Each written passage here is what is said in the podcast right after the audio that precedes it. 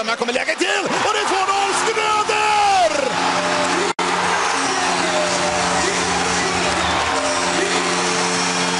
Och stället går bananas! Fullständigt! Gälleräven Center jublar.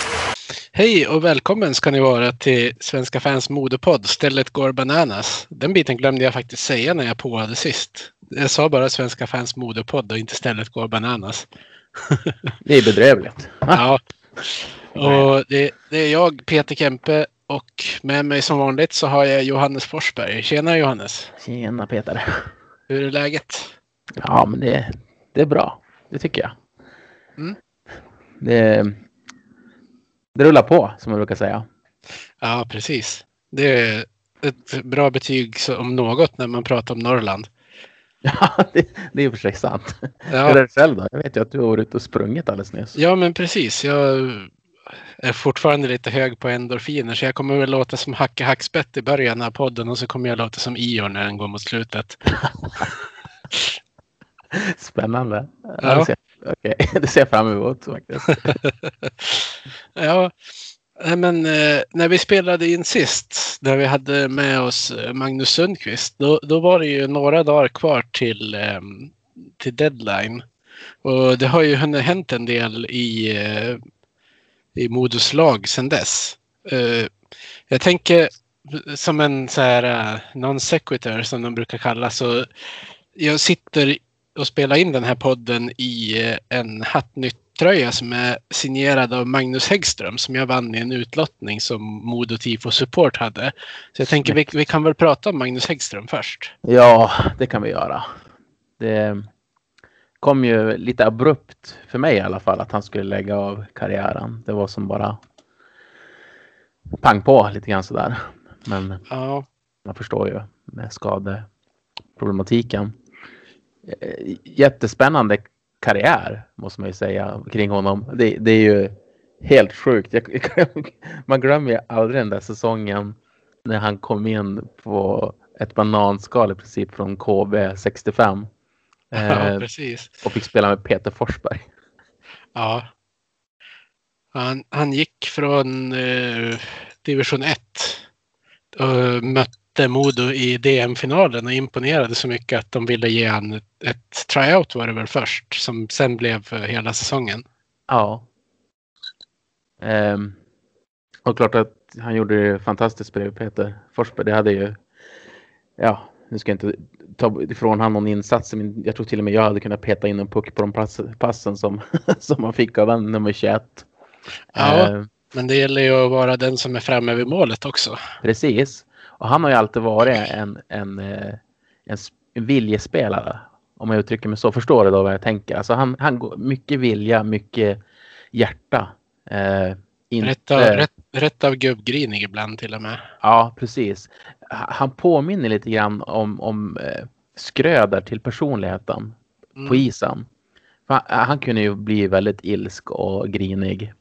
Och sen var ju han en målskytt av rang. Men, men det är inte det jag jämför utan just personligheten lite grann. Och så kan man jämföra med Skröder också. Det enorma moderhjärtat som Hägga ha, har och hade under sin aktiva karriär. Ja, för eh, jag, vi pratade ju med honom i en podd när, vi, när den här podden var väldigt ung fortfarande och han hade kommit tillbaka till Modo från Malmö. Ja, Då sa han ju att det var ju, han föredrog ju Hägga före Mange med skottet. Ja. det gjorde han. Det är en podd ni kan gå tillbaka och lyssna på om, om ni vill höra ja, intervjun med Häggström helt enkelt. Det var intressant då.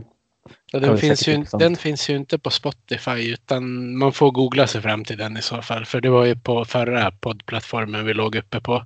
Ja, och det är nog bara att söka på svenska fans eller Modopodden och Magnus Häggström så kommer den fram. För den som är nyfiken. Jag kommer Precis. ihåg eh, i början av vår poddkarriär där också Peter att man var så jävla nervös varje gång det skulle vara någon från Modo med. Mm. Jag satt som nästan och skakade ibland innan. Jag var så sjukt nervös. Men de har ju varit så snälla allihopa. Ja. Ja, jag kommer ihåg att just när vi skulle prata med Magnus Häggström så hade jag såna djävulskt tekniska strul också så att jag först fick jag ju inte igång datorn och sen hördes jag ju inte tror jag. Men till slut så gick det ju. Mm. Och nästan som man var beredd att säga nej men det här går inte. Ja. Alla andra gånger har ju gått bättre nu och sen jag köpte min nya dator så har det ju inte varit några problem.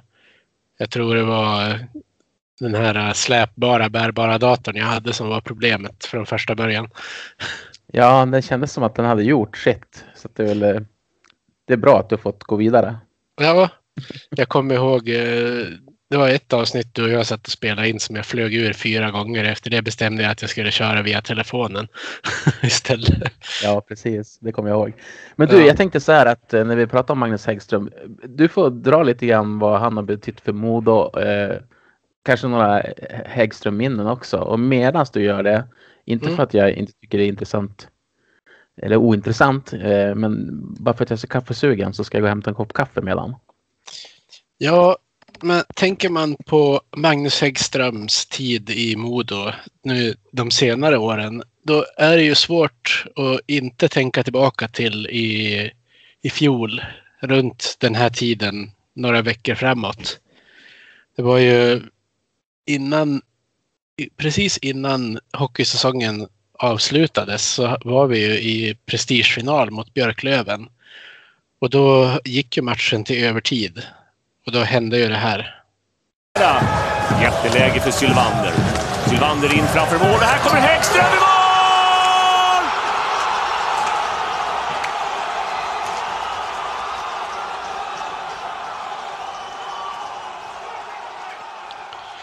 Det är fantastiska minnen. Man, man kommer ihåg klacken som nästan är på väg upp över plexiglaset när Häggström sätter pucken.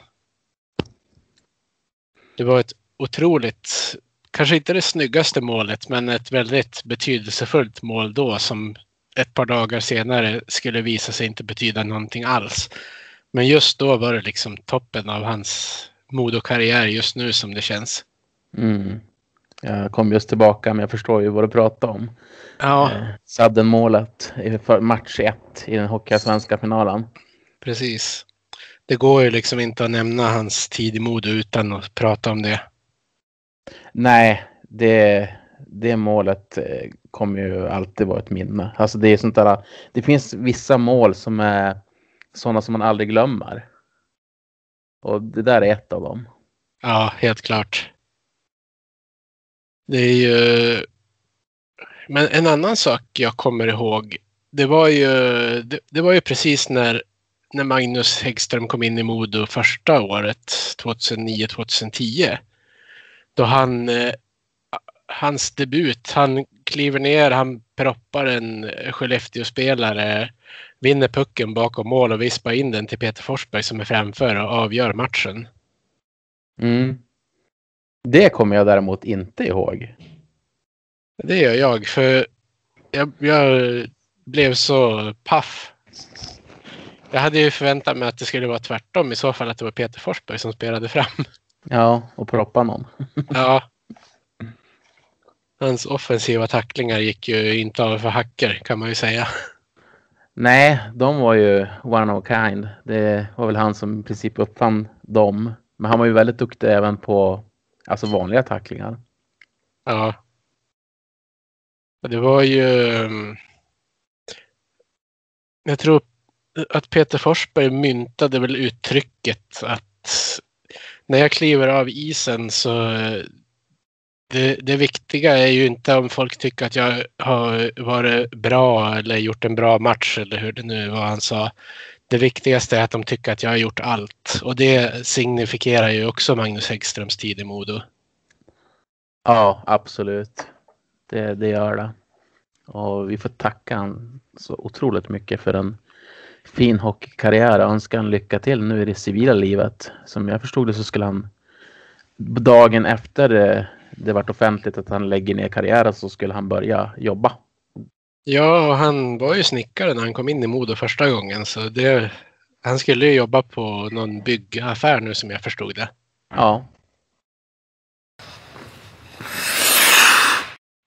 När vi, när vi pratar om Magnus Häggström, det är ju... Det ju, finns ju ett rykte också med en spelare som ska lämna inför nästa säsong. Jag tänker vi går in på de som kom in om en liten stund. Mm. Men eh, det pratas ju om att William Wallinder ska vara nära Rögle inför nästa säsong. Vad, vad tänker du om det? Mm. Ja, det, det, som man tänker är att det är tråkigt att vi är i den här situationen där så otroligt duktiga spelare får, eh, eller potentiella, eller juniorer med som potential lämnar till andra klubbar för att fortsätta sin utveckling. Det är jobbigt att vara det laget som släpper iväg de spelarna. Ehm, sen känns det lite spontant om man tittar på hans prestation den här säsongen så känns det väl ändå som att eh, jag skulle inte bli förvånad om han kommer tillbaka på utlån till Modo efter ett x antal månader i Rögle. Jag, jag, jag, ser inte riktigt att han skulle klara av att eh, spela i SHL. Men min, vi... min, min tanke om det där, den har jag ju delat på Twitter. Ett tidigt draftval. Han var, blev vald eh, tidigt i runda två av Detroit. Ja. De, de lär ju ha eh, ett och annat ord med i hans utveckling. Och sen tror jag det är två negativa faktorer för Modos del.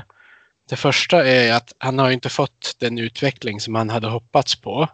Mm. Eh, det kan ju säkert göra att han för sin egen del kan söka sig att hitta någon annanstans och ta nästa steg.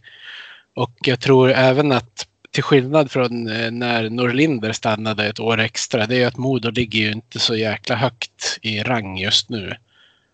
Nej. I och med, i och med situationen och kaoset som har varit den här säsongen. Nej men så är det ju. Det, jag tyck, tror att du har helt rätt i dina analyser där. Och det är klart att Detroit har väldigt mycket att säga till om också. Och varför ska han spela ett bottenlag i Hockeyallsvenskan? Som antagligen inte ens klarar slutspel. Så att han får inte ens erfarenhet av det. De viktiga Nej, matcherna. Precis och jag, jag, jag vill ju vill ju inte riktigt tänka att Modo Hockey är liksom i den situationen. Men jag tror att just för stunden så får vi nog ändå omfamna att det är den verkligheten som finns just nu. För det är mm. ju oftast den här säsongen man bygger vidare på till nästa säsong när man ska försöka behålla spelare och så vidare. Ja, men visst är det så. Så är det ju. Eh, och den här säsongen har ju varit riktigt monumentalt usel.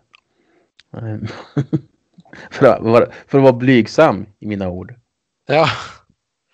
Um, jag tror, tror allting började med, som jag har förstått att styrelsen var väldigt styrande när det gällde vilken tränare vi skulle ha istället för att sportchefen fick liksom sista ordet. Det, det, det, är i alla fall intrycket jag har fått av att läsa och lyssna och så vidare. Ja, vi var inne på det lite grann förra podden. Vilka är det egentligen som bestämmer? Mm. Och vilka är det egentligen som ska lastas då också? För, för den där träning, alltså den träningsrekryteringen är ju lika dålig som den som, alltså på det är Larry Huras nivå. Ja.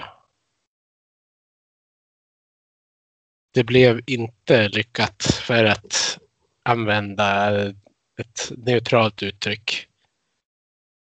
Ja, och det som kom fram sen också från, jag tror det var Daniel Sylvander, en ganska lång intervju eh, när han säger att Ville Nieminen ville inte riktigt spela den hockey man spelade förra året.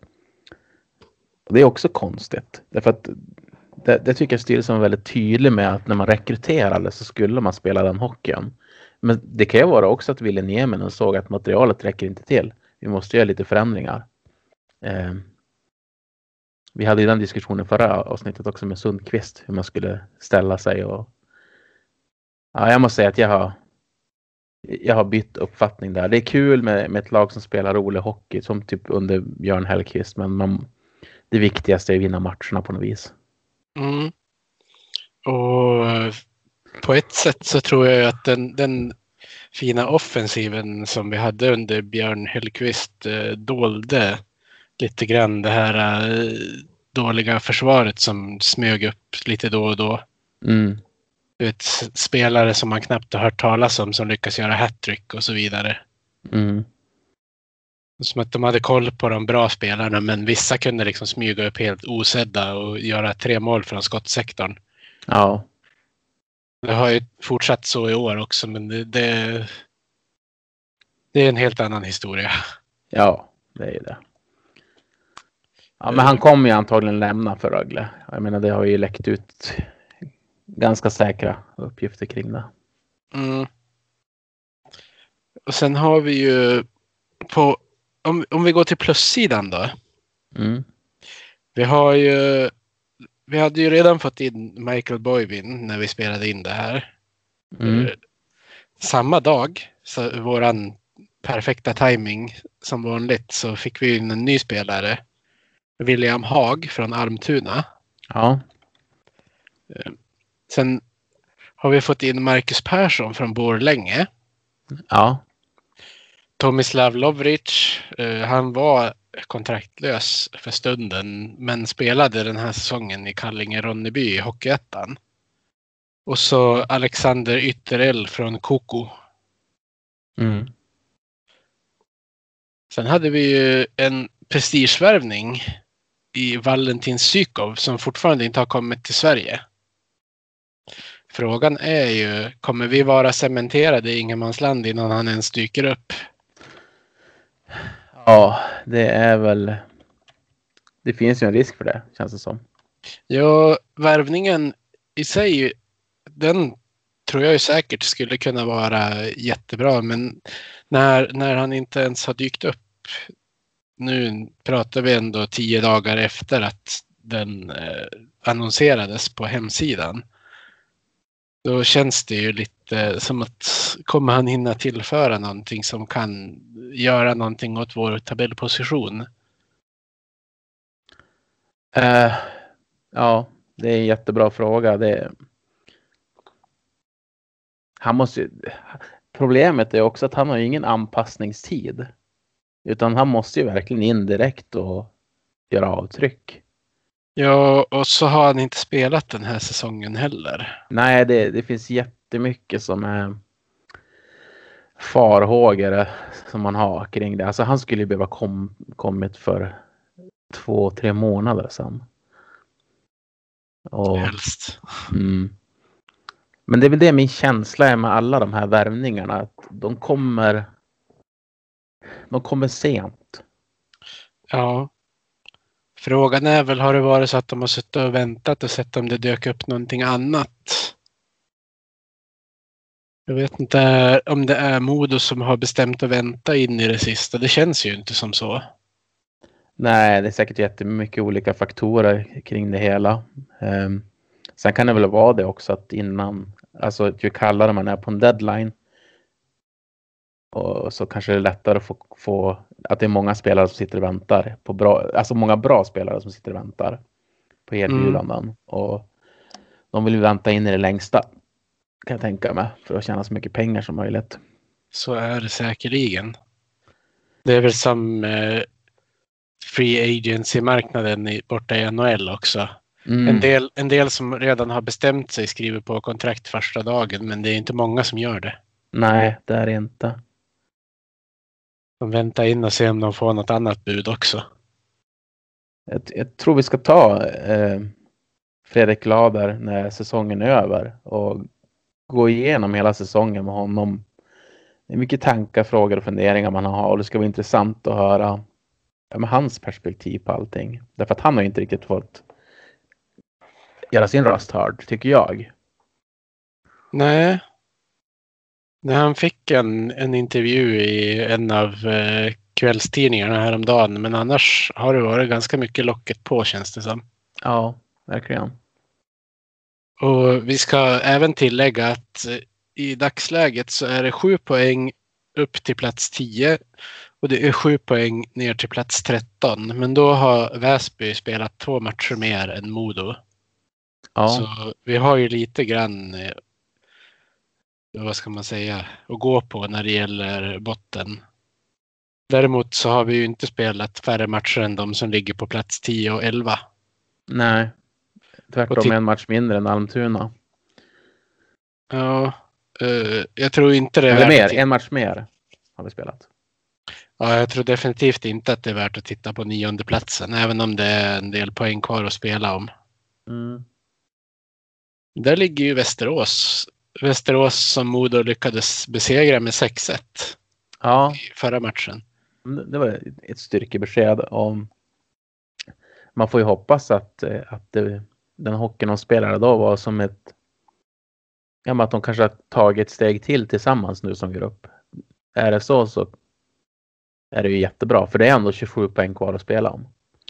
Ja, och Modo är ju de som har tagit tredje minst tre poängare och det är därför vi ligger där vi ligger. Ja. Sen måste man ju- komma ihåg också att vi har sämst målskillnad av de här lagen som ligger ovanför oss. Vita Hästen, Almtuna, ja, om man ska dra in Västerås också, så är målskillnaden, vi har ju minus 28. Jaha. Medan Vita Hästen är minus 12, Almtuna minus 10, Västerås minus 16. Och sånt där är ju direkt avgörande om det blir riktigt tajt. Ja, och det är ju det är ju inte för att vi har gjort för få mål. Det är för att vi har släppt in för många.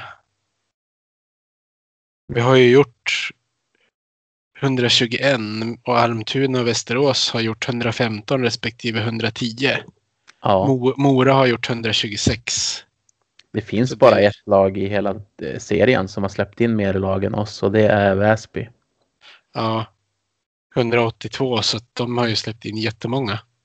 minus 64.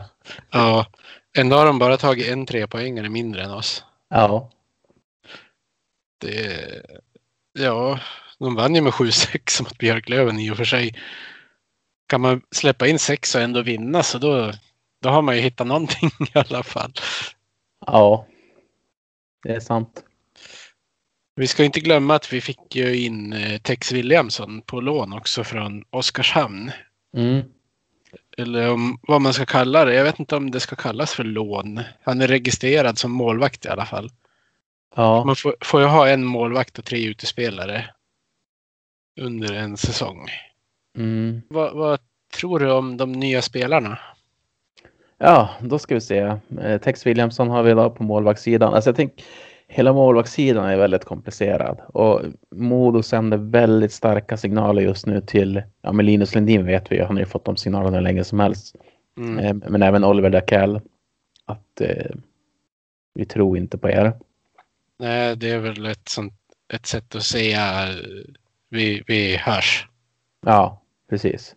Bådas kontrakt går ut efter säsongen. Jag kan inte tänka mig att någon av dem får förlängt. Nej. Eh, Jag hoppas verkligen för Linus Lundins skull att hans karriär kan få ta fart igen. Därför att jag tycker att det är en helt okej målvakt. En helt okej tvåa eh, i hockeyallsvensk nivå för kanske någon, någon slags mittenlag. Um, Oliver Dackell tycker jag har ganska mycket att jobba på. Ja, han var nog inte riktigt redo. Nej. Den Eh, diskussionen har vi haft förr. Ja, det har vi haft. Vi behöver inte gå in på den igen.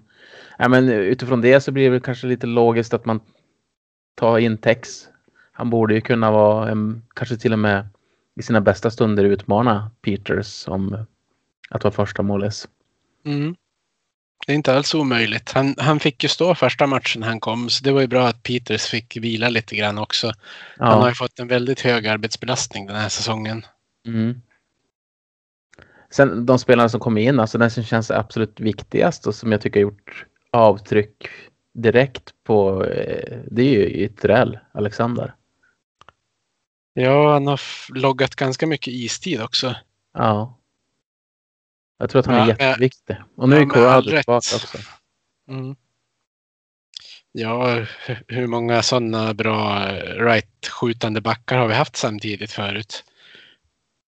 Nej, det tror jag vi aldrig haft, jag på att säga. Nej, men det måste vara väldigt sällsynt. Ja. Och då har vi inte ens nämnt Boivin. Nej. Ja, men tänk en topp fyra nu då. Man kan ställa upp med eh, Boivin, Corrado. Du kan dra in Alexander Ytterell. Och sen vet jag inte riktigt Brandon om han verkligen är en topp fyra back. Eh, Kanske inte som han spelar den här säsongen, men ja. Någon ska ju vara där i alla fall. Han eller Wallinder eller Tom Enström eller. Mm. Det känns ju ändå hyfsat okej. Ja, det blir ju tyvärr ingen mer Tobias Wiklund den här säsongen. Men å andra sidan så har han ju inte spelat på länge. Så. Nej, och det vart ju bara sex matcher för honom. Ehm, han fick ju verkligen inte visa upp sig från sin bästa sida. Men det kommer ju fler säsonger för honom. Ja.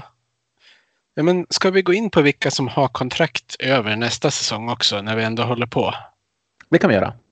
Nu avbröt jag ju snacket om de andra spelarna, men jag tänker vi kan återkomma till dem. Mm. Eh, Över nästa säsong, då har vi först William Wallinder som troligen inte blir kvar då. Mm. Daniel Sylvander. Vi har Hugo Styv, Anthony Peters, Sebastian Olsson, Brendan Mickelson, Patrik Karlqvist, Jesper Dahlroth, Mikkel Ågård, Alexander Ytterell, Tobias Wiklund och Jeremias Lindevall. Mm. Spontan tanke. Eh, nej, men spontant känns det som en bra stomme att bygga på. Tycker jag. Eh, att Karlqvist har kontrakt, det är underbart. Att Alexander Ytterell och Tobias Wiklund sitter på kontrakt, jättebra. Eh, Anthony Peters, det var ju säsongens bästa värvning utifrån. Så att jag tycker att ja, men det känns ändå som att det, det nu ska det gå att bygga på det där. Men det är ganska mycket hål att fylla också. Eh, sen tycker jag att man ska Ja, ibland går man ju skilda vägar efter ett år om, om man inte en spelare har levt upp till förväntningarna. Och jag tänker på Sebastian Olsson, men jag tycker verkligen att man ska ge honom ett år till. Under andra förutsättningar förhoppningsvis. Ja, han var, är ju en av de som har blivit eh, hårdast drabbade av tränarbytena tror jag. Han har fått helt olika roller. Ja. Vad tycker du själv om, om eh, ja, Sylvander tycker jag är jätteviktigt att ha kvar. Det känns ju som att han, han är ju han driver det här laget med sin vilja också. Ja, och med all rätta blev lagkapten. Jag tyckte han skulle ha blivit det innan säsongen också. Mm. Jag pratade till och med med honom om det, alltså, utan att veta att två dagar senare skulle de bestämma vem som blev kapten. Ja. Och han är, känns ju verkligen som en, nu ska jag inte säga enklubbsspelare, för det, i så fall är det ju Rögle som är det laget, men en kille med klubbhjärta. Ja. En som, en som rotar sig. ja. Så, så jag tror ju definitivt att han kan bli kvar fler år också, bara man... Ja, Men bara, ju, båda, bara båda parter tycker om varandra. jo, Och det tror jag definitivt att man gör. Det, tror jag. Eh, Eftersom han blir lagkapten också så är det en jättestark signal om vart han står i den här klubben. Ja, Eh, Och han är ju också en sån spelare som eh, ha- han går ju och plockar med sig upp SHL. Han gör ju inte bort sin fjärde formation i SHL. nej, definitivt inte. Sen kan man ju... Om, om, jag pratade ju med dig och Björn om Brendan Mickelson i våran gruppchatt som vi har. Mm. Eh, Jag kommer ihåg Oskar Hedmans första säsong i Hockeyallsvenskan. Då pratade vi om att han var slut som spelare. Ja, Eh, lite som det pratas om Mickelson nu. ja, Sen kom han ju tillbaka otroligt bra till den andra säsongen när han hade fått vänja in sig och liksom ja, insett att det var en helt annan liga. Lite mer High Chaparral än det här uppstyrda som det är i de flesta högsta ligorna. mm. Så man, man kan ju hoppas att Brendan Mickelson gör en bättre andra säsong. För jag tror inte att man går och bryter kontraktet med honom. Nej, det tror inte jag heller att man gör. Uh, nej, det är det man... Ja, men jag håller med dig. Det var intressant när du skrev det där. Därför att det är precis som du sa. Jag, jag vet inte om folk kommer ihåg det. Men, men uh, första säsongen i Hockeyallsvenskan med Oskar Hedman som man då trodde skulle vara uh, ja, men, typ hockey, en av Hockeyallsvenskans bästa backar. Mm. Han var ju otroligt lost. Eh, Ja, det var väl nästan bara Axel Eidstedt som var sämre då. ja. Om man glömmer bort Drew Paris, för han var ju inte kvar hela säsongen. Nej, ha- han var ju bra i DM-finalen. Ja, alltså han var så dålig så han kommer tillbaka i, i poddar fyra år senare. De har gjort avtryck. ja, helt klart. Uh, nej, men jag hoppas att det är som du säger. Alltså det, är- det är någonting man måste ha där i bakhuvudet. Att det, det är en ganska stor anpassning tror jag. Att, att gå från SHL till Hockeyallsvenskan och med den pressen och förväntningarna man har på sig också. Ja, eh, jag har pratat med Brendan Mickelson och han känns ju verkligen som... De, de har ju ett uttryck för det på engelska. En model professional. Mm, Alltså ett, ett riktigt superproffs ända ut i fingertopparna. mm, Så jag, jag tror att han mår säkert jättedåligt över att det inte har fungerat bättre. Det såg man ju till exempel när han gjorde sitt mål. Alltså hela, hela ansiktet och hela han lyste av känslor. ja, Han har säkert varit otroligt frustrerad över att det inte har funkat bättre det tror jag absolut. Det har ju märks också när man var lagkapten och skulle göra intervjuer och liknande. Men eh, det verkar vara en kanonkille, eh, Brendan. Jag hoppas eh, för hans skull, men framförallt för, för vår skull, att nästa säsong blir flera snäpp eh, bättre. Och då har vi ju faktiskt en riktigt bra eh, stomme på backsidan att bygga vidare på också. Alltså det, eh, med Wiklund, Ytterell och Mickelson. Ja. Och en, en Hugo Styr som har blivit klokare. Ja, alltså killen är bara 18 år och vi pratar ju om det. Det blir lite grann återupprepningar nu när vi spelar in podd. Så, så tätt, vi är inte van med det. Nej. Nej, men just det där att han, han måste få växa i, som spelare och få växa in i den här ligan. Och de har ju inte fått det. Varken han eller Wallinder har, har ju fått göra det på bra villkor utan de har ju blivit tvungna att vara bärande, ledande spelare. Ja, det är ju delvis på grund av att de här eh, som var tänkta att spela med dem inte har lyckats. Mm. Man tänker backparet med Styv och Dalrot till exempel. Det var ju ren katastrof i egen zon. Ja. Och Och det, är ju, det, det är ju därför Dalrot blev värvad för att göra det bra i egen zon. nej men han, där måste ju en tränare ta ett snack, alltså ett allvarligt snack med honom och säga att ska du vara kvar en säsong till då är det här som gäller. Sluta kladda med puckjäkeln. Slå Ja. passen i första läget. Jag vet inte hur många matcher jag sett då han har läge att slå pass eh, till uppspel. Men väljer att åka vidare två meter och chansen borta. Och då ska han ändå försöka lägga passen. Eller vända om och så fastnar han i särkanten. Eller bara klud- kluddra till det på något vis. Och så de gånger Ja. han gör det där första snabba passet. Då är det ju kvalitet. Alltså rakt igenom. Sådär vill vi ha det. Jag, ja. Jag blir Ja. irriterad på spelare som ändå, de ser det. Han ser det. Han har speluppfattningen att han ser, jag kan lägga det här första passet. För att han gör det ibland. Ja, Men så väljer han att inte göra det. ja jag, jag håller med dig. Han, han måste värdera lite bättre. Ja, Han är ju också en som är kvar till nästa säsong, så det finns ju förbättringsmån där. det finns det. Jag tänker att han är 29 bast nu och det där borde ha kommit. Eh, kanske därför att han, han, ja men det är en av anledningarna att han inte spelar i SHL. Det är det säkert. Sen tänker jag, Mikkel Ågård har ju visat sig vara en, en sjujäkla måltjuv. Ja, Det är ju Det jätteviktigt med en kille som är inne vid målet och gör det där jobbet. Ja. Ha- Han gör ju inga centermål den här killen. Om man tänker sig klassisk center som eh, en playmaker eller kommer lite grann i, i slottet smygande eh, i en tredje rush eller något sånt där. Han är ju framme och grisar. Ja, och förra matchen spelade han ju tillsammans med Svenningsson och Niederbach. Mm. Men det var ju han som skapade anfallen med sina zone entries ute på högersidan.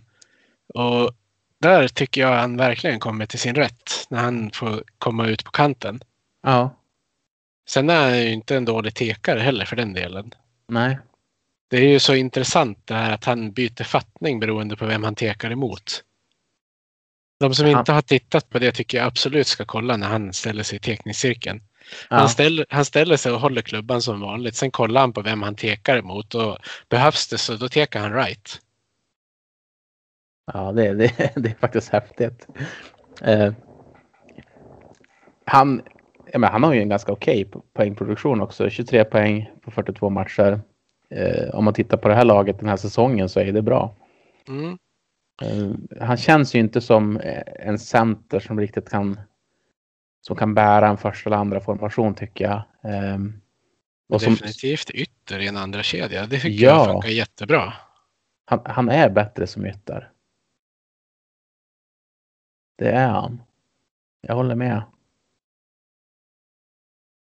Och sen har vi ju Ytterell och Tobias Wiklund. De behöver vi inte ens prata om. Det är klassspelare. Ja. Det enda, det enda man är rädd för är att Ytterell ska bli tagen av något SHL-lag. Ja, precis. Ja, det är inte omöjligt att det blir så. Men ja. Vill jag ju få se. Ja. Jeremias Lindevall, 19. Jag tror definitivt att han kan vara med och slåss om en plats i laget nästa år. Ja, han har ju så härlig speed den killen. Ehm, sen vill jag att vi förlänger med Johan Harjo. Ja. Det tycker jag absolut att vi ska göra. Sen skulle jag vilja att Tobias Åström blir kvar ett år till också. Det finns så mycket hockey i den killen. Det gör det. Jag håller med dig. Ehm, Han är, det- han är Vikspojk. Han är tillräckligt bra för att spela på nivån. Då ska han banne mig spela i Modo enligt som, som jag ser det. ja, jag håller med dig. Ehm, man, man, man, man får en sån liten hemsk farhåga när det gäller typ spelare som Åström att ehm, han får inte riktigt att Modo tänker att ja, vi, vi, vi släpper han, kollar på, låter han utvecklas några år och sen tar vi tillbaka han typ. Och så går han till typ eh, Almtuna och blir en poängs per match kille. Ja, det var ju något liknande när han var på lån där i fjol. Men då Ja. spelade han väl till viss del med Tony Mårtensson också. Jo, det, det men han, han, han har en härlig spelkänsla. Han- han- Skön speluppfattning. Det där är ju... Han är ju mer center än, än forward. Ja, Det spelar ingen roll om man spelar center eller forward så, men, men han har som en speluppfattning som en center tycker jag. Och få- får han en försäsong till, han blir 20, ska fylla 23. Ja, men jag tror faktiskt att han, det ska kunna bli riktigt intressant. ja och jag tycker personligen, eh, skickar man iväg honom så finns det en risk att det blir en ny Oskar Pettersson. Han har ju gjort en otroligt bra säsong i Västervik nu. Mm. Och då är ju frågan, Modo vill ju säkerligen ha tillbaka honom, men- vill han tillbaka? Det är- Frågan, man, ham- alltså, man hamnar ju i sådana situationer istället. Jag tror ju att om man ska säga bara se på hans karriärs bästa så. Jag menar Modo kan ju inte ta tillbaka Oskar Pettersson för att spela en topp 2 formation. Nej, det, kan man inte. Och, och, jag menar, han har gjort 13 poäng på 40 matcher på Västervik så att han, han är ju inte där i den produktionen. Och det, om Modo ska vara ett lag som inte ligger där vi ligger nu nästa säsong så måste vi ha två starka formationer som gör poäng. Mm. Men en tredje formation, absolut.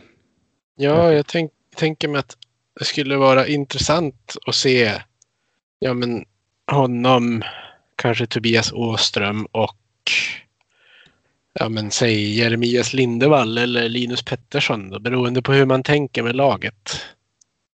Men det, det skulle kännas spännande att ha en hemfostrad kedja om man säger så. Ja, Men nu är det jag som spinner iväg lite grann. Ja, det är väl lite grann do or die nästa säsong för Linus Pettersson. Ja. Men han har ju inte glänst jättemycket i Hockeyettan heller. Jag trodde att han skulle ligga på någon poäng per match i Hockeyettan, men det gör han inte. Han har ju producerat skapligt i alla fall. Men om man tänker på... Jo, men alltså utifrån förväntningarna. Det är ju många som, som tycker att han ska vara en självklar, eh, självklar val bland de två första kedjorna i Modo. Eh, ja, men då ska man ju prestera på en väldigt, väldigt bra nivå. Tycker jag. Ja, riktigt där uppe kan jag ju inte påstå att man är. Jag tycker inte det. Då får man ju inte glömma att eh, Karlskrona som lag har ju inte presterat. Nej. Efter, efter hur man hade hoppats. Inte på något sätt. Nej, men sånt bidrar ju jättemycket också. Ja. Det är bara att kolla på oss själva. ja. Men eh, de kom ju trea i södra serien, men i allettan så går det ju inte alls för dem. Då ligger de ju sist. De har i och för sig några matcher mindre spelade. Det är de här riktigt, riktiga klassspelarna. Det är de som nästan oavsett hur dåligt det går för ett lag så gör de ändå poäng. Ja, det är bara att kolla på Patrik Karlqvist i tidig Modo. Ja, han, är, han har gjort mer än en poäng per match. Um, klart han får ju mycket speltid också, men det, är, det, det får ju de andra i ledande formationer också, så det har ingen betydelse så. Men det är ju ren klass. Då, då, Ja. Det är klart det är orättvist att tro att 20-åriga Linus skulle vara där, men han kommer kunna bli väldigt, väldigt bra. Men jag vet inte riktigt vad det är som... Jag tror att det är det defensiva som, som eh, främst har gjort att Modo har lånat ut honom. Hans offensiva eh, förmågor är väl ingen som ifrågasätter. Nej. Och hans storlek kan han ju kompensera för genom sitt spelsinne. Ja, Det finns ju andra, inte så jättestora spelare som ändå lyckas. mm. Man kan ju se på Zuccarello till exempel, är ju inte den längsta killen.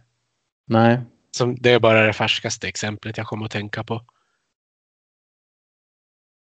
Men sen om vi återgår till de spelarna som har kommit in. Jag tycker det är väldigt spännande med Marcus Persson. ja, jag håller med dig. Jag såg eh, Mikael Mjörnberg som är Hockeyettan-gurun. Han la ju ut en artikel med att ligans bästa spelare försvinner. Vad sänder det för signaler till Borlänge?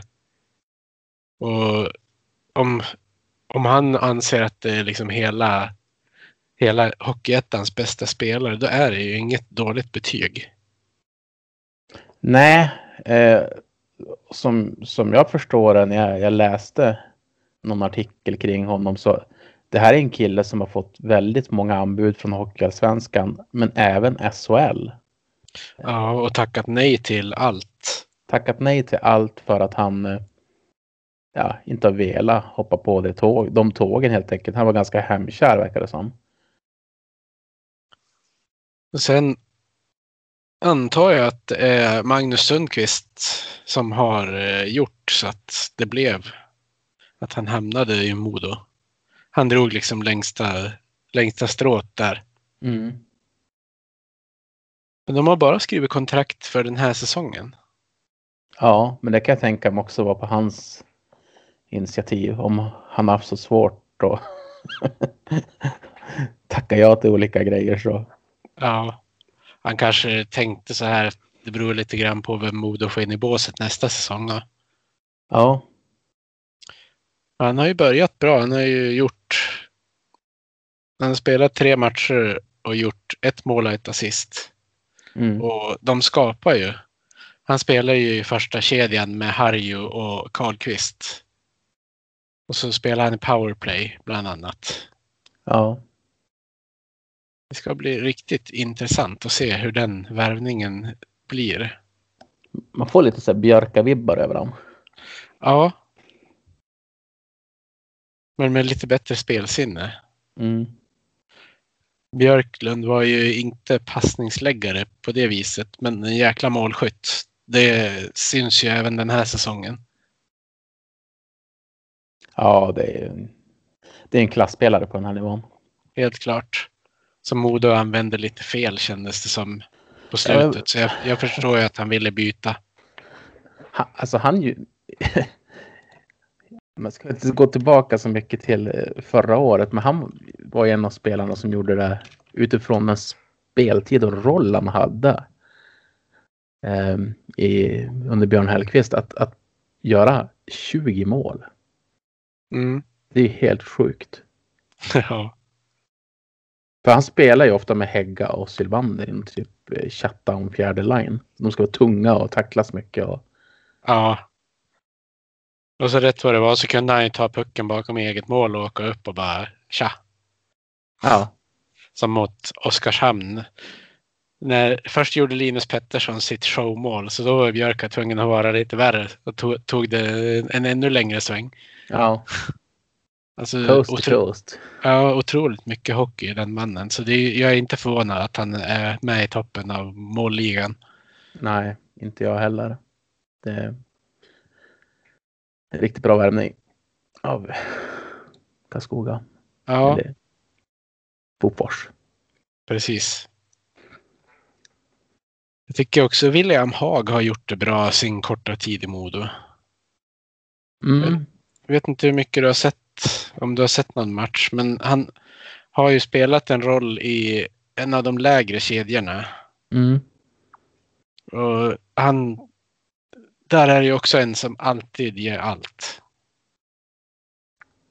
Jag kan nog tänka mig att det finns intresse från Modos sida att behålla honom även nästa säsong.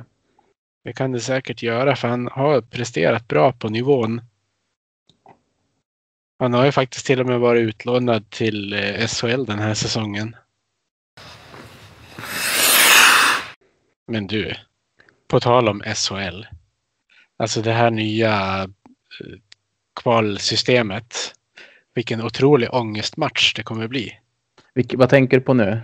Jag tänker kvalet neråt från eh, SHL till Hockeyallsvenskan. Det är ju ett lag som är garanterat att åka ur. Ja, ja. Det där. Och, och det är så jämnt där nere just nu. Det är ju något, något lag kommer ju att knyta sig fullständigt. Ja, alltså det är ju. Oskarshamn ligger 10, Linköping ligger sist. Eh, 14 lag och det, det är alltså tre poäng emellan. Ja, det kommer bli en otrolig ångestavslutning i den där serien.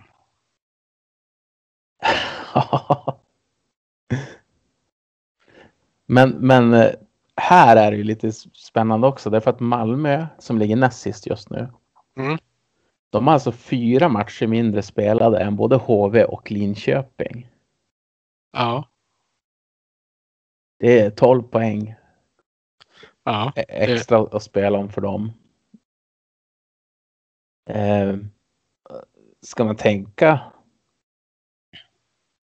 Alltså det här, det här, vilket jävla getingbo. Jag har inte kikat på det här förrän du sa det nu. Jag bara vetat om att HV ligger risigt till, Linköping i- och Malmö ligger risigt till. Men jag har inte kollat på tabellen så här och kollat plus minus allting. Nej, men det är bara att kolla på vad HV plockade in för någonting eh, liksom strax innan eh, deadline stängde.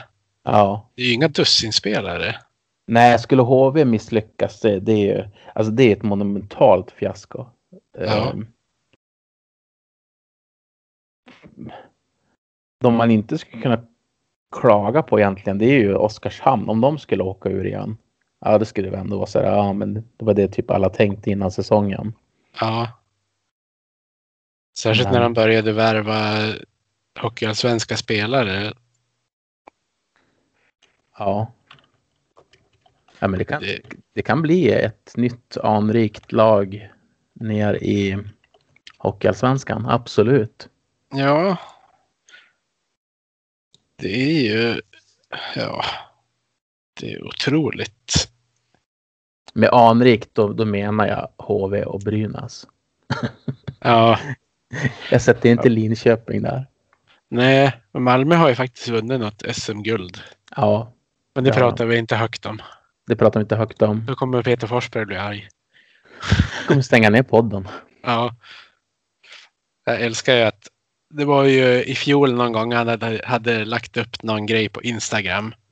Han, han var relativt nöjd med helgen men det var ju Malmö han tyckte inte om den staden så helgen fick typ tre av fem ändå. Ja. Är det någon som är långsur det är det Foppa. Ja. Jag kommer ihåg hur stelt det såg ut när de var det Helenius hörna han var med i när de tog in eh, Börje? Ja. ja. Det var ju inte alls någon rolig komma ihåg grej sådär utan han var ju, han var ju fortfarande sur. ja.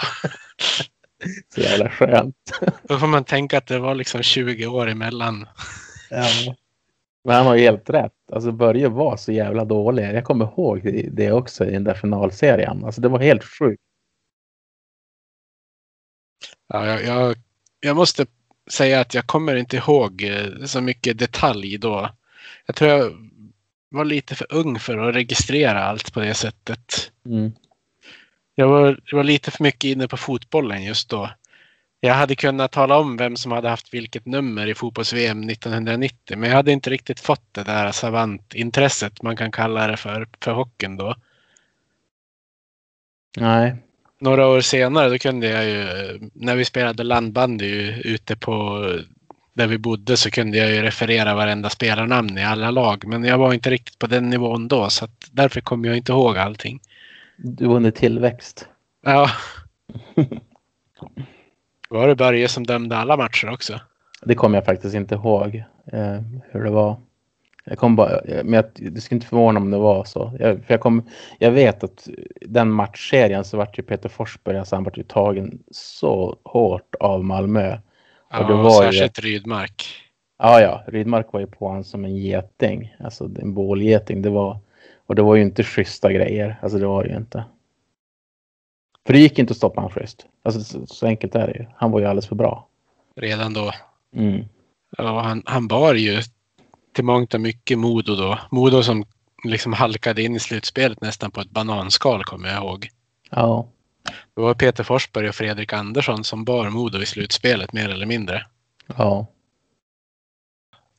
Det var tider. Det var tider. Det var det. Han har ju en sjuk säsong där. eh, Ja, han, alla hans säsonger är ju sjuka. Men jag kollade bara hur mycket poäng han gjorde i playoffen. Där han gjorde ju 16 poäng på 11 matcher, 9 mål. Och så k- kollar man tillbaka när han var junior i 20. På sina 39 matcher han gjorde 102 poäng. Ja, Det är sjukt. men det var ju efter att Peter Forsbergs hockeykarriär var slut. Mm. Då skulle han ju åka till eh, Philadelphia och bli hyllad. Och då tänkte han, alltså varför ska jag bli hyllad här för? Jag var väl inget bra. Mm. Eh, han spelade ju ja, men typ två hel, hela säsonger nästan. Då. Han blev ju tradad till Nashville vid deadline på en av dem. Mm. Då hade han 40 poäng på 40 matcher. Säsongen 06-07. Och säsongen 05-06 hade han 75 poäng på 60 matcher. Så när han kollade statistiken så tänkte han väl, ja okej då, jag kan väl ändå förstå till viss del. Ja. Snacka, om, snacka om unik mentalitet. Ja. Nej, det är one of a kind, helt klart. Ja, Jag Jag tänker också eh, säsongen 9-10 när han åkte omkring på en skridsko i... ja jag var precis vad jag skulle säga det. Jag tror Anders Nilsson fortfarande drömmer mardrömmar om den, om den matchen. Han gjorde två frilägesdragningar som verkligen vände ut och in på Nilsson. Ja. Och Renberg har nog lite jobbigt också. Ja. Jag kommer ihåg först kom han ju helt sopren. Och då drog han höger-vänster. Och Nilsson gick ju på högerdragningen. Och så gången efter då gjorde han en re- reverse. Och då gick han ju åt det hållet han hade gått första gången. Mm. Han, han tänkte att Foppa skulle göra likadant. Så han gick ju åt helt fel håll då också. Låg liksom sprattlade upp och ner i målet till slut. Ja, det är nog många som har blivit förnedrade genom åren. Ja, In, inte bara målvakter. nej.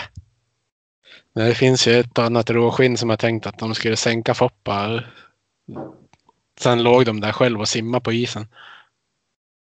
Ja, det var väl så ett av de stora bråken där mellan Colorado och eh, Detroit startade tror jag. Att eh, Bob Probert var ute efter Forsberg Mm. och försökte tackla ner honom. Men det vart väl tvärtom då. Ja, Och då eh, var det igång.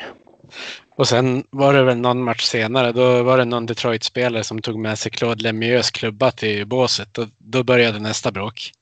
Ja, det, det var ju vilka, vilka rivalmöten det där var. Så det var helt sjukt. Ja, men de är inte riktigt på den nivån nu för tiden. Nej, men vet du vad jag såg i, idag eh, på eh, ja, när jag kollade igenom hockeyklipp? Eh, Klingberg och Hörnqvist i en fight. Ja, Den var oväntad. helt klart. Tror inte jag sett någon av dem slåss tidigare. Nej. Och det är väldigt ovanligt att två svenskar går upp mot varandra. Ja, Och så de... i alla fall, i alla fall i en riktig fight. Det brukar Ja. ju sluta med brottningsmatch annars. Mm. Ja. Än är ju in- är inte sista dagen man blir ju förvånad, eller vad man ska säga. Det finns alltid något nytt som kan hända. Ändå tycker man att man har blivit ganska luttrad på den här förvåningsnivån. Ja. Men eh, den här säsongen har varit jobbig. Ja. Men såg du det jag delade på Twitter igår var det väl? Om de här Frölunda-supportrarna. Ja, men vart är deras verklighetsuppfattning? Det blir bara Ja. pinsamt. Ja. Att man mår så illa att man helt enkelt slutar att följa Frölunda av hälsoskäl. Jag hade velat sett dem heja på, ja men säg Västerås. Ja. Västerås som liksom var ett klassiskt lag. Gick i konkurs. Uh, tog sig upp till Hockeyallsvenskan. Åkte ner i Hockeyettan på ett mål med, vad var det, tre sekunder. Björklöven klarade sig kvar med när de gjorde mål där. Ja, det är en sjuk resa. Ja, Och Frölunda de ligger femma i SHL. Ja, visst. Ja, och alltså Västerås blev ju lika sönderköpta som, som Modo blev, Ja. kan man ju säga. Men de blev det säsongen före. När de hade gjort sin jättesäsong där. De blev ju av med, eh, ja, jag vet inte hur många bra backar bara. ja, det var... De, ja, de har haft det tufft också. Ja. Det var ju någon, någon, jag följer ju någon Västerås-supporter på Twitter och de sa ju det, det är så typiskt Västerås att åka ur den, samma säsong som de äntligen inför Hockeyallsvenskan på NHL-spelen. Ja. Men du Johannes, jag vet att du hade ett, ett ämne i åtanke.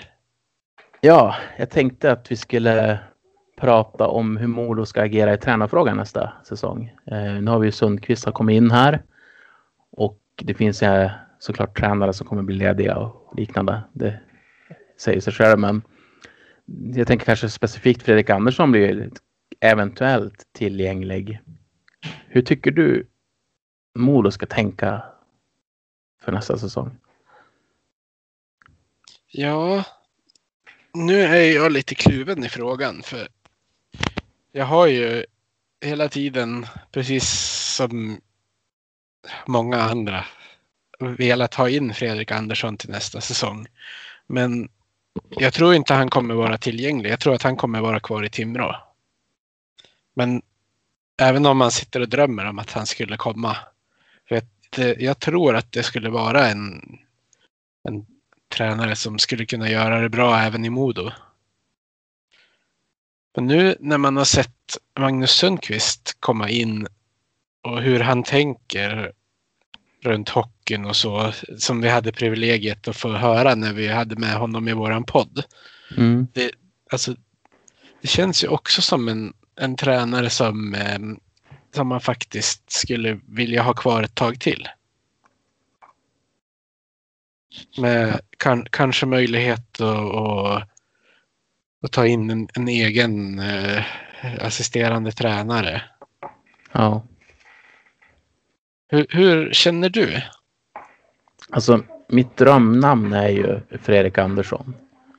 Eh, att han skulle bli Modos head coach. Men samtidigt så ska han komma in i rätt läge. Jag tror att det ska bli en otrolig arbetsbörda för honom att komma in. För att han är ju ändå, han är ju en sån tränare, hans lag ska driva hockeyn. Alltså de, det ska vara puckinnehav. Eh, det är inte säkert att Modo har det laget för nästa säsong. Det, det, är mycket frågetecken kring det. Och Sundqvist tror jag är ganska duktig på att använda det som finns i truppen och anpassa som utifrån det. Det är väl det han har gjort och byggt sin tränarkarriär på ganska mycket. Han har ju haft ganska, vad ska man säga, hyfsat svaga lag. Ja. Alltså det är en dum, dum tanke att fortsätta med honom. nej, det känns som det finns mycket, mycket bra hockeytänk där. Ja. Frågan är väl i hans fall då med familjesituationen. Med, med barnen och det blir ganska långt emellan. Ja, Om det är möjligt som att. ja det är ju en, en bra bit ner till Danmark. Mm, det är ju det. Men det är klart, skulle han få ett tvåårskontrakt i Modo då kanske, ja då flyttar väl förhoppningsvis familjen med honom. Ja, det är ju det är någonting som det känns som att man måste lösa. Det går inte att ha ja, men som vi hade med våran förra tränare med Skåneanknytning som börjar leta sig vidare efter ett tag. Nej, precis. Nej. Men jag känner att jag skulle bli arg om Fredrik Andersson inte kommer till Modo någon gång i, inom en snar framtid. Vi säger en femårsperiod. Ja, Eh, inte arg på Fredrik utan jag skulle bara vilja, jag skulle vilja se honom i Modo med rätt förutsättningar. ja, att han får komma in i tid och få vara med och plocka. Ja, för att jag tror att han är, han är ju duktig på det. Han har ju varit sportchef. Eh, och nu när Ja, han är tränare han- så tror jag han har han- ännu han- bättre känsla vilka spelare som ska in i laget. Jag tänkte säga, han var ju också mm, innan han skrev på för Timrå så var han ju liksom sportchef innan Sundlöv eh, skrev på. Mm. Det var ju ofta han som förhandlade med spelarna fram till Sundlöv klev på sin tjänst. Så ju- han har ju även haft den tjänsten eh, relativt modern tid. Mhm. Så han skulle ju... Han ska ju inte jobba som båda men han har ju säkert kontakter. Ja, det har jag absolut. Ehm. Ja, men och så känner jag så att vissa vill ju att vi ska hugga på Kalin. Eh, nej, säger jag. Sundqvist är typ som Kalin. Eh, lite grann till och med använder trupperna och liknande. Och att hugga på han när han har kontrakt kvar, det tycker jag bara är fult. Vi behöver inte det. Och sen har jag sett, jag vet inte hur man tänker, men att på något sätt man skulle få Fredrik Andersson och Mattias Karlin samtidigt till Modo. Alltså, eh, jag vet inte, det låter jättekorkat att ens tro att det skulle vara möjligt. Ja, och, och, ja. Det vet jag inte heller om det skulle bli bra. Men det är det, det är ju det det inte skulle bli. Nej. Det finns liksom inte på kartan på något sätt. Men tydligen finns det de som tror att det skulle kunna hända på riktigt och redan till nästa säsong. Det skulle ju vara intressant också ändå med, med Kalin att han skulle få chans med ett bra hockeylag och visa lite grann vilken hockey han står för. Eh, för att han är otroligt duktig på att anpassa truppen till Eller ja, spela till den trupp han har. Jo, så är det ju. Uh, han uh, är även duktig på att anpassa spelet efter sina motståndare. Ja. Det är ju också en, en del som, som är viktig i hockey nu för tiden. Ja, det är det. Ja, nej, men det skulle, ja, vi får se. Men, men eh, jag gråter inte om det blir Sundqvist, om jag säger så. Nej, jag, jag håller helt och hållet med dig. Men jag tror inte vi ska kolla på någonting annat nytt och flashigt bara för att. Försök antingen få Freddan eller försöka behålla Magnus Sundqvist och nöj oss där. Börja inte leta en ny exotisk tränarlösning bara för att. Nej tack, vi har haft nog med dem och det har aldrig funkat. Nej. Men jag tror att vi nöjer oss där Johannes. Ja, tack till alla som har orkat lyssna. Och så får vi se när vi återkommer nästa gång. Det är ju några matcher kvar av, av säsongen. Så antingen så väntar vi tills den är slut eller så åter, återkommer vi någon gång innan. Det är de två alternativen att välja på. Ja, precis. Antingen en summering av säsongen eller något form av eh, slutspel åt något håll. Precis. Ja. Så då säger vi tack för idag då. Jätteläge för Sylvander. Sylvander in framför mål. Och här kommer Häggström i mål!